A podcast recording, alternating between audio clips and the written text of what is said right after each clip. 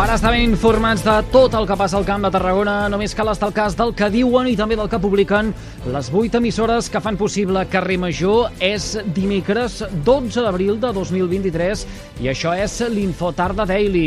Anna Plaça, bona tarda. Explica'ns, si us plau, què tenim avui en portada? Bona tarda, doncs avui toca parlar d'aquesta prova de sistema d'avisos d'emergència als telèfons mòbils que ha tingut un resultat irregular al nostre territori. De fet, només una mica més de la meitat dels telèfons han rebut el missatge. Protecció Civil ha manifestat d'entrada que els missatges s'haurien enviat bé, però que molts dispositius no els han rebut per la falta d'emissió de les antenes d'algunes companyies telefòniques. La directora general de Protecció Civil, Marta Casany, ha explicat que s'enviarà l'informe a l'Estat per aclarir què ha passat.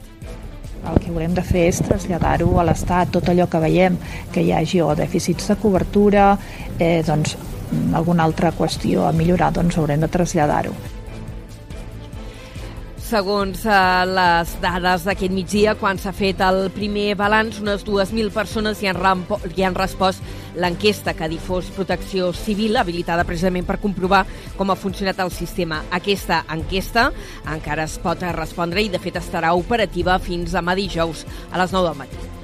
Més coses, els treballadors d'Iquoxe han engegat avui la primera jornada de vaga per reclamar la readmissió del president del comitè d'empresa. Una aturada que està tenint un seguiment de gairebé al 100%, segons el sindicat convocant, que és Comissions Obreres. El sindicat ha muntat un piquet a l'entrada de la fàbrica i afirma que només hi han entrat 8 empleats. En canvi, segons l'empresa, només 11 treballadors dels 132 que conformen la plantilla han secundat la vaga, el que representa, per tant, un seguiment del 8,3%. El secretari general d'Indústria, Comissions Obreres de Tarragona, José Manuel Martín, ha lamentat la postura de l'empresa en relació al president del comitè d'empresa, en Fran Pizarro. La, la direcció es reafirma en la seva decisió d'acomiadar el Fran, diu que l'acomiadament no té res a veure en, en la seva funció, en la seva acció sindical, sinó que té a veure en la picabaralla que va tenir en una discussió interna dins del, del, del seno del comitè d'empresa. Nosaltres entenem que això és una excusa perquè primer neguem que, que això hagi passat tal qual diu l'empresa, però és que a més a més, inclús així, doncs la, la sanció és totalment desproporcionada. A més, Comissions Obreres considera abusiu els serveis mínims que ha decretat ICOXE i ha anunciat que ho denunciarà Inspecció del Treball. Divendres hi ha convocada la segona jornada de vaga. Canviem de qüestió. El Departament de Territori ha tret a informació pública els estudis de la connexió entre Tarragona i Reus i els recorreguts urbans del tram camp.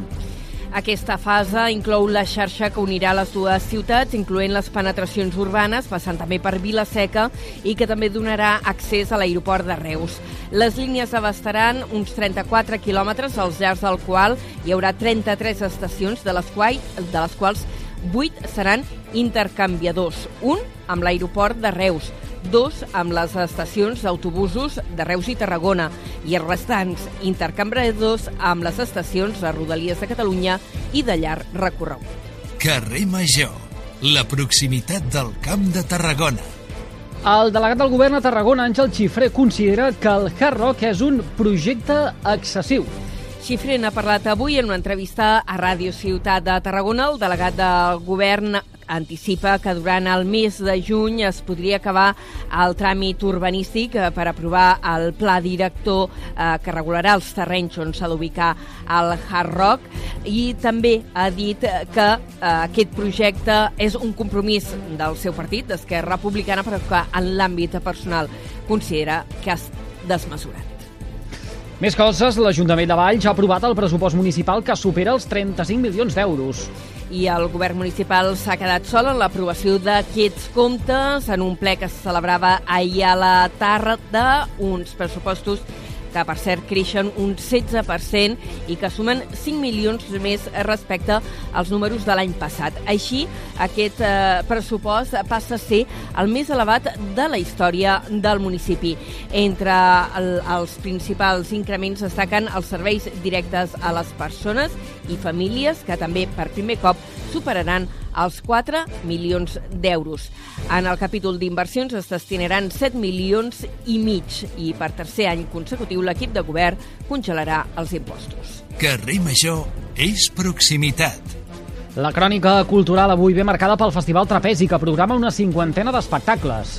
Avui s'ha presentat el cartell de la Fira Internacional del Cir de Catalunya, que es farà, com sempre, a Reus i serà del 10 al 14 de maig. La nova edició del Trapezi oferirà una programació que pretén ser un reflex del talent del circ contemporani actual, amb moltes propostes emergents i participaran 36 companyies, dos cabarets i hi haurà un showcase eh, professional, buscant així el màxim de fórmules per ampliar la possibilitat d'exhibició.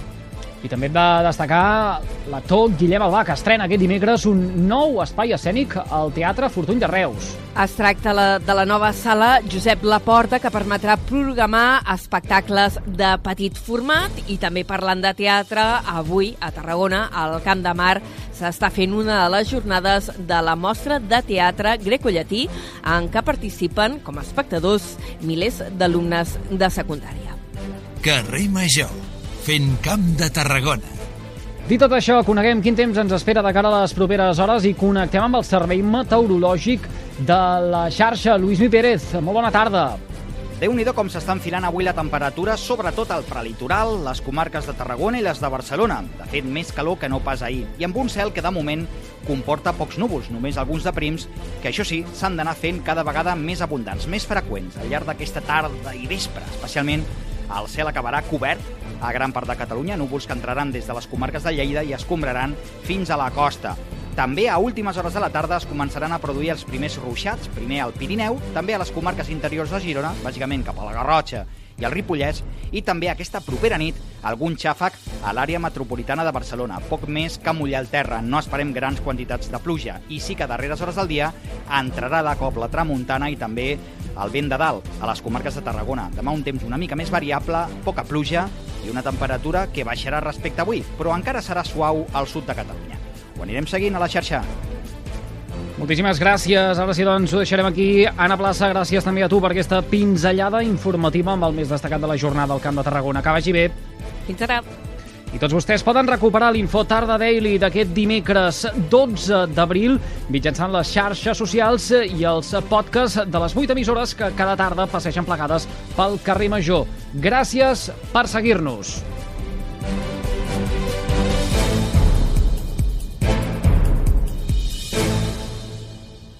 La proximitat del Camp de Tarragona.